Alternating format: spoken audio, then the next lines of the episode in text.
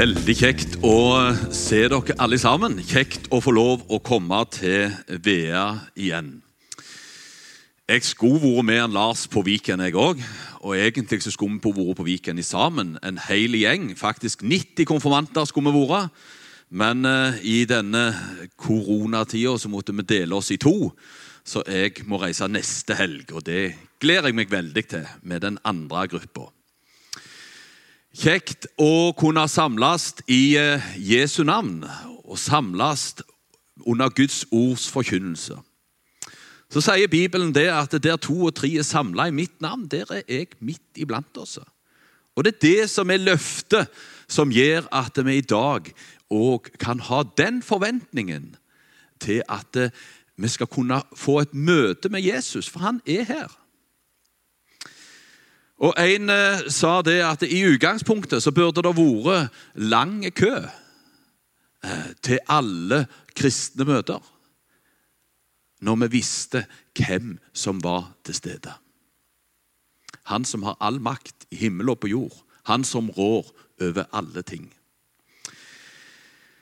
Så er vi midt i eh, Galaterbrevet. Dere begynte sist gang og hadde Galaterbrevet kapittel 1. Og så har jeg fått i oppdrag å stoppe og gjøre noen eh, dukk, små sånn dukk i kapittel 2, og det skal vi prøve på i dag. Men vi fortsetter og ber til Gud i sammen. Kjære Herre Jesus, takk for det at du som er allmaktens herre, du som rår over alle ting, du er den som har eh, gitt oss det oppdrag om å forkynne evangeliet for alle folkeslag og til alle tider. Og Så ber vi Herre Jesus om at du med De hellige ånd kunne åpne Bibelens ord for oss i dag, sånn at vi kunne få se noe av det du har gjort, og faktisk se at det gjelder meg og hver enkelt av oss. Det ber vi om i ditt navn. Amen.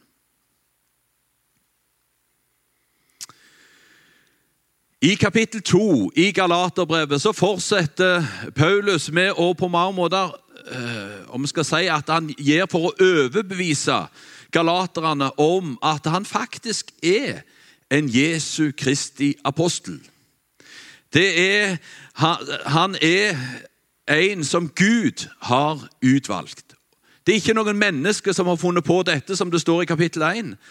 Men det er Gud, som han sjøl sier i innledningen. Jeg er innsatt av Gud til dette oppdraget. Og så blir Paulus kalt for eh, hedningene sin apostel. Og det er noe av det som vi skal stoppe litt for i dag. At Gud han gjør ikke forskjell på folk. For det gikk på dette med jødekristne og hedningekristne. Jøder og hedninger. Eh, der at det ble av mange gjort en stor forskjell på dette. Og Vi skal begynne med å lese Galaterbrevet 2 og vers 6. Og de mest ansette, hvor store de er, betyr ingenting for meg. For Gud gjør ikke forskjell på folk. De stilte meg ikke overfor nye krav. Gud gjør ikke forskjell på folk. Å bli forskjellsbehandla, det er kanskje noe av det som vi, eh, vi syns er, er mest sårende. Det at det er noen som får noen fordeler framfor noen andre. Um, hvis det, der er en av ungene som får en større is enn den andre, så får du høre det. Det var feigt. Hvis en får mer brus i glasset enn den andre, så får du høre det.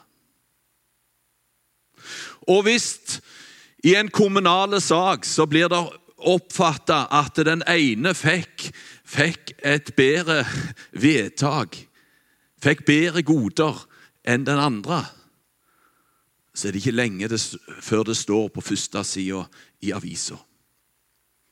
De opplever forskjellsbehandling. Jeg gjorde et aldri så lite søk på, i, på nettbibelen. Hele 18 ganger får vi akkurat dette ordsettet i Bibelen. Gud gjør ikke forskjell på folk. Og I Romerbrevet kapittel 2 så møter vi denne, eh, dette ordparet. Og Der står det sånn For Gud gjør ikke forskjell på folk. Og I fortsettelsen står det alle har syndet. Alle som syndet uten å ha loven, skal gå fortapt. Uten loven, og alle som syndet under loven, skal dømmes ved loven. Ingen forskjell. Og Hadde vi gått til Romerbrevet kapittel 3, så står det noe tilsvarende. For det står For det er ingen forskjell. Alle har syndet og står uten ære for Gud. Overfor Gud så står alle mennesker likt. Om du er av de som eh, kan Bibelen på rams, eller om du er av de som knapt har sett boka i det hele tatt.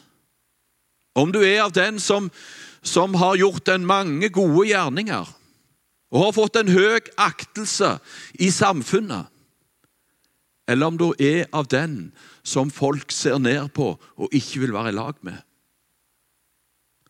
så er det ingen forskjell. Gud gjør ikke forskjell på folk. I 5. Mosebok, kapittel 10 og vers 17, så står det sånn For Herren deres Gud eh, er Gud over alle guder, og Herren over alle herrer. Den store, mektige og skremmende. Gud som ikke gjør forskjell og ikke lar seg bestikke. Gud er Gud. Han er guden over alle. Han er Herren over alle. Det står endog 'den skremmende'. Den Gud som, som har all makt og over døden og over dommen. Han gjør ikke forskjell. Det nytter ikke å komme til Gud og, og, og på mange måter eh, servere en, en, gave. Du, se hva jeg har. Se hva jeg har fått til. Se hva jeg kan gi deg. Og I noen sammenhenger, og i, i bedehussammenheng, så kan det få en fornemmelse av at at vi skal gjøre oss fortjent for Gud. Og det blir om å gjøre at vi skal gi noe til Gud. Og når vi har gitt det til Gud, så blir Gud fornøyd. Tenk at han fikk det av oss. Det kan være eh, at vi, vi, vil prestere, og vi, vi, vi, tar det som en sånn eh, eh Skal vi bruke ord at vi tar det som en sånn gest og en prestasjon og et noe som vi vil gi til det vår Herre Jesus. Men alle har syndet og står uten ære for Gud. Han lar seg ikke bestikke. Han setter Anne under samme, samme kam.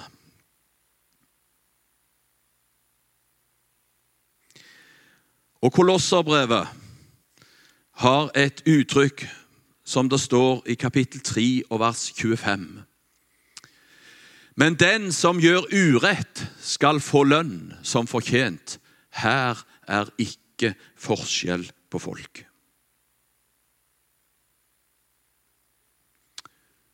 Ja, igjen. Er du prest? Er du voldsmann? Ingen forskjell. Og til slutt så skal vi ta med Jakob 2 og vers 9. For nå er det snudd. Nå er det snudd til oss, for der står det Men gjør dere forskjell på folk, da synder dere, og loven anklager dere som lovbrytere. Nå er vi kommet inn til vårt liv. Vi har med en Gud å gjøre som ikke gir forskjell. Som ser alle mennesker skapt i hans bilde. Og så sier han til oss dere skal ikke gjøre forskjell på folk. Og her er vi inn i noe av det som dette kapitlet handler om. Om eh, Der eh, Paulus forteller om når han eh, irettesatte Peter. Peter som den store apostel, den som kanskje var mest ansett av de alle. Og Paulus han bruker endog uttrykket Han sa han like opp i ansiktet. Det Én ting er når du irettesetter noen, men når du irettesetter noen like opp i ansiktet, da er du på mange måter en litt sånn små, eh, småstram situasjon.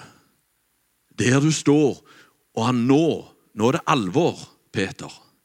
Dette mener jeg virkelig midt opp i ansiktet på Peter.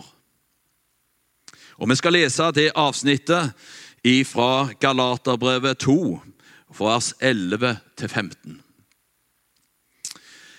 Men da Kefas kom til Antiokia, sa jeg ham imot, rett opp i ansiktet. For oppførselen hans avslørte ham. For det kom noen fra Jakob Eh, men før, uh, før, det kom noen fra Jakob, spiste han sammen med de hedningekristne. Men da de kom, trakk han seg tilbake og holdt seg unna, for han var redd uh, for de omskårne. På samme måte hyklet de andre jødekristne. Så til og med Barnabas ble revet med i hykleriet deres. Men da jeg så at de ikke gikk rett fram etter evangeliets sannhet, sa jeg til Kefas. Så alle hørte det. Når du som er jøde, ikke lever som en jøde, men som en hedning, hvordan kan du da tvinge hedninger til å leve som jøder?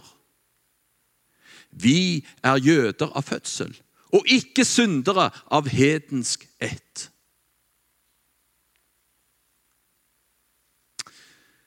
Bakgrunnen for denne konfrontasjonen kan, eh, sier Gullgruben, være to grunner for. Det ene var det at han igjen ville bevise overfor eh, folket at, eh, at jeg er utvalgt av Gud til denne oppgaven som jeg nå har. Jeg er på mange måter på linje med Peter. Peter er ikke noe mer enn meg. Han, han ville på mange måter gjerne avsløre det. Men så er det det som ligger og Paulus så på hjertet. Denne her forskjellsbehandlingen. Peter, som var av de som hadde eh, Når vi leser om i apostelgjerningene Når han fikk kallet til å gå til Kornelius sitt hus, eh, som var en ikke-jøde og Så skulle han gå der og forkynne evangeliet. For der så det noen folk og venta på å få høre om Jesus. Ja, Det møtet endte endog med at Kornelius og hans hus ble døpt den dagen. Peter ville ikke gå, men så sier Gud til han, Det som Herren har rensa, eller det som Herren har gjort rent, det skal ikke du kalle for ureint.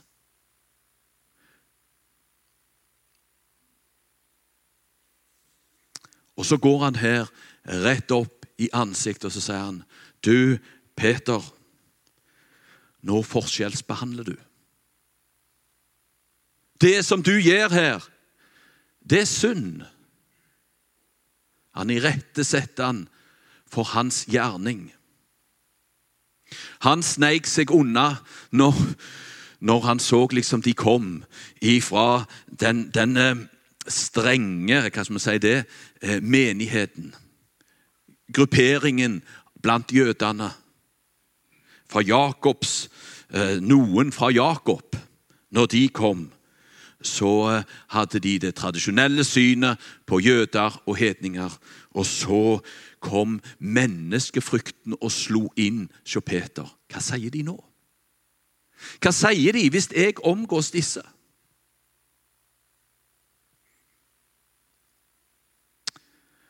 Jeg hørte fortalt eh, fra en kristen redaktør eh, i ei kristen avis en plass i Norden. Han eh, eh fikk, eh, skulle skrive en reportasje, for det var skjedd store ting i eh, blant Hva skal vi si horemiljøet i en av byene i Europa. Der var det blitt noen av disse damene hadde fått, de hadde kommet inn og fått kontakt med dem, og de hadde begynt å ta imot Jesus. Det var begynt å skje ting. Folk var blitt kristne. Og dette skrev redaktøren om i si avis. Og så sier han Og så kom reaksjonen. Og så kom eh, oppsigelsene av abonnementet.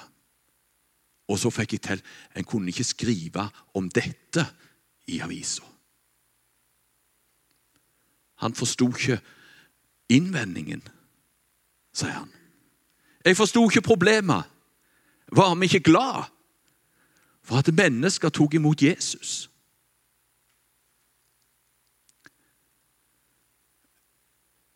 Skjedde det i feil miljø? Var det blant feil folk? Hva var det som slo inn?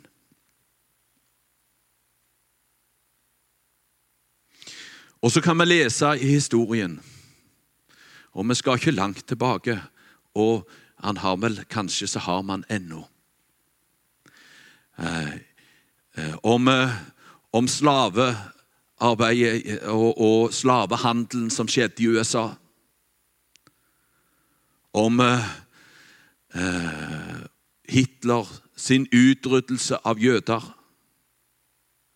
Ja, Vi kunne tatt eksempler der noen var mer ansett enn andre. Jo da, vi kan være enige i det.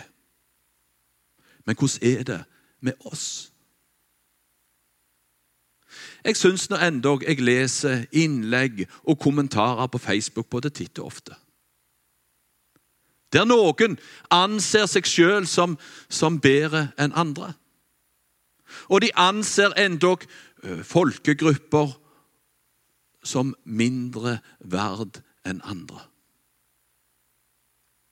Gud gir ikke forskjell på folk. Alle står vi likt overfor Han. Om du er født på Vea, om du er oppvokst her, om du har gått dine barnebein her på dette huset hele ditt liv, eller om du er født i en helt annen del av verden og aldri har sett eller hørt øh, et kristent menneske fortelle noen ting om Jesus. Jeg fikk være i øh, Øst-Afrika nå i vår, rett før koronaen. og akkurat idet det brøt ut. Vi landa på lørdagen eh, etter den berømte torsdagen i Norge. Inn i karantene og opplevde det som ei spesiell tid. Men vi møtte noen av, i, i, uh, i Kenya som på mange måter tok opp det kallet som Gud hadde lagt ned. De bodde en flott plass i Kenya, behagelig temperatur. De hadde det fint. De nøyd eh, på mange måter livet. De hadde kristne menigheter rundt seg overalt. Det var 25 grader på jevnt temperatur. De bodde der som det var god kommunikasjon og kunne reise hvor de ville. Så kaller Gud. Så bryter de opp derifra. Så flytter de til et veikryss der det er jevnt 40 grader og vel så det. Det er ingen andre kristne der enn de tre ekteparene som nå flytter. Det er altså kun eh, ikke uh, ikke-kristne, eller muslimer. Er, det er 100% muslimsk område. Og så flytter de inn, og så etablerer de seg, og så begynner de å fortelle om Jesus. Ei starter som fruktselger, for da får hun så god kontakt. Og en annen han etablerer seg som fotballapper, som er et utbredt yrke. Jeg hadde aldri hørt om det før, men han jobba som fotballapper. Og jobber for å få kontakt med guttene og jentene som har fått hull på sin fotball, eh, for å nytte den muligheten. Og så er det fordi Gud gjør ikke forskjell. Og de har rett på evangeliet om Jesus.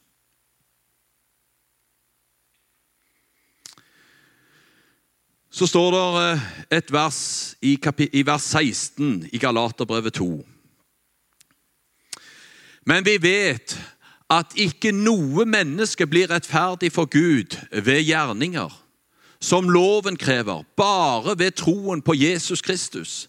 Derfor satte også vi vår lit til Kristus Jesus, så vi skulle bli kjent rettferdige ved troen på Kristus og ikke ved lovgjerninger.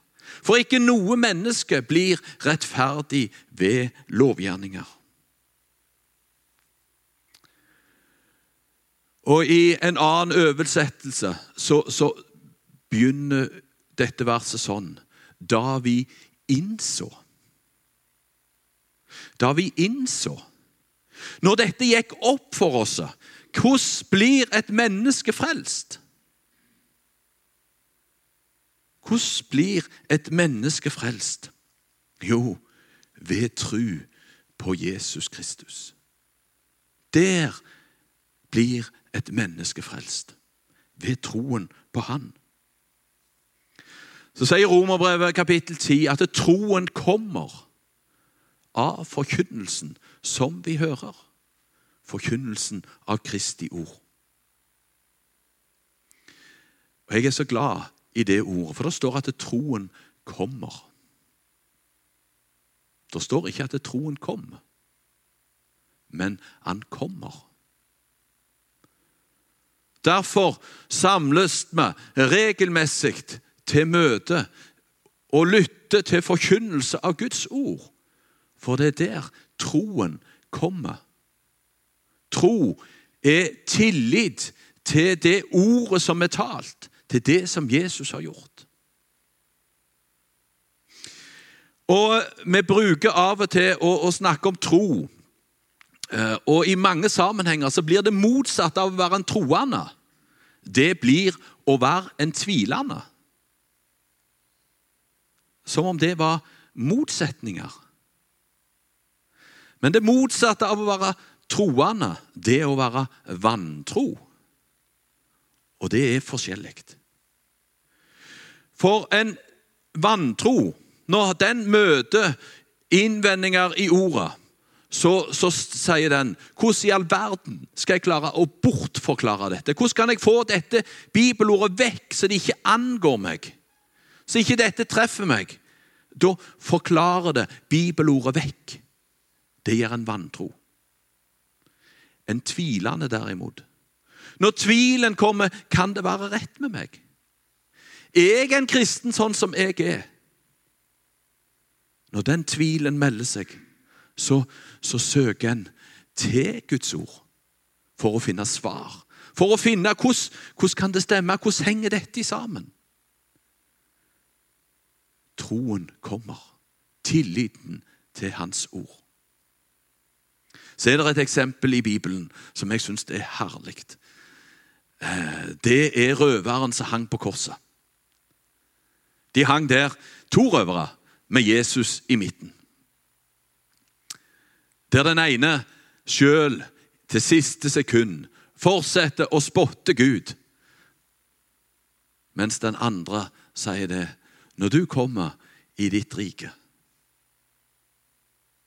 Kan du tenke på meg, da? For jeg får som fortjent. Han eh, erkjenner det er ute for meg. Det er ingen håp for meg. Han erkjenner at den allmektige som henger her i midten, han har all makt. Han er herre og frelser. Og så sier han, 'Kan du tenke på meg når du kommer i ditt rike?' Og så vet vi hva som skjer. Den som har lest litt i Skriften. For det står Sannelig, i dag skal du få være med meg til paradis. Nå skal det få skje. Nå skal du få være med meg inn til det himmelske land. Han hadde ei lengtende tro, er det en som har sagt. Han hadde ei lengtende tro. Og den lengten han hadde, det ble ei frelsende tro. For troen kom av forkynnelsen. Og til slutt, det siste avsnitt i Galaterbrevet 2, eh, fra vers 19 til 21. Ved loven døde jeg bort fra loven, så jeg kan leve for Gud. Jeg er korsfestet med Kristus. Jeg lever ikke lenger selv, men Kristus lever i meg. Det livet jeg nå lever som menneske av kjøtt og blod, det lever jeg i troen på Guds sønn, som elsket meg og ga seg selv for meg. Jeg forakter ikke Guds nåde.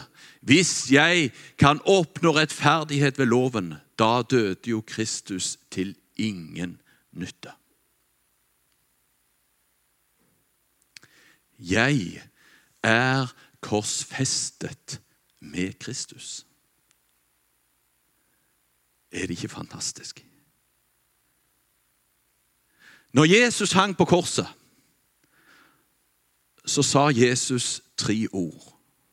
Han sa for så vidt flere, men til slutt så sa han det er fullbrakt, eller det er fullført.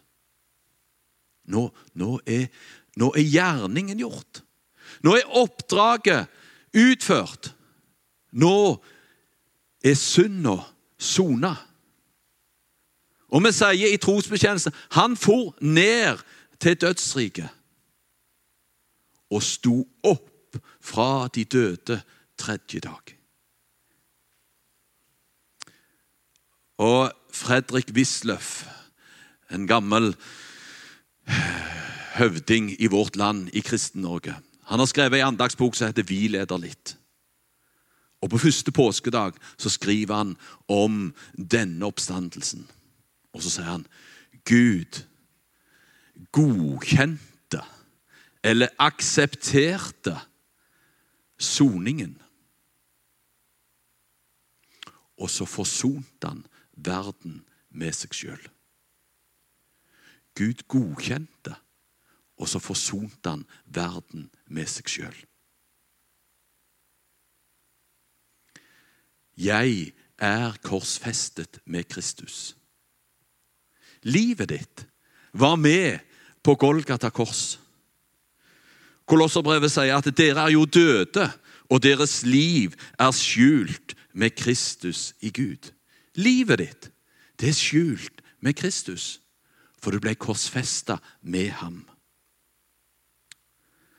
Og så kan du si ehm, For vi blir rettferdiggjort. Det er jo et ord som er vanskelig kanskje å forstå, for vi bruker det veldig lite i dagligtalen. Men å være rettferdig, gjort rettferdig for Gud. Gjort sånn at Gud, du kan være i lag med Gud. Du er gjort i stand til å møte den hellige Gud. Da er du rettferdiggjort.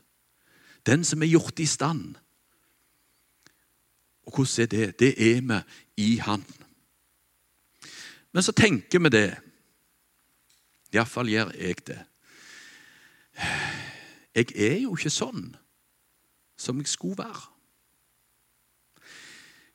Når jeg tenker på mitt liv, og kanskje sitter du og tenker på kanskje allerede denne formiddagen som du har lagt bak deg et lite stykke av nå.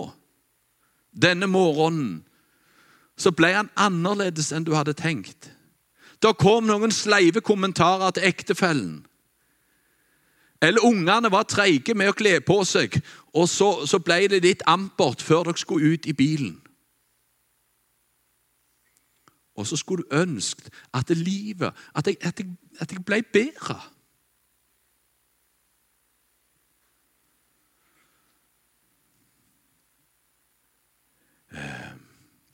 Du er korsfesta med Kristus. Du som har fått tatt imot Jesus. Du har fått et nytt liv. Et, en ny eh, Du har skapt noe nytt i deg. Men vi har det, gamle livet med oss. Og det vil vi dra på og slepe på helt til den dagen vi forlater denne verden og går inn i evigheten.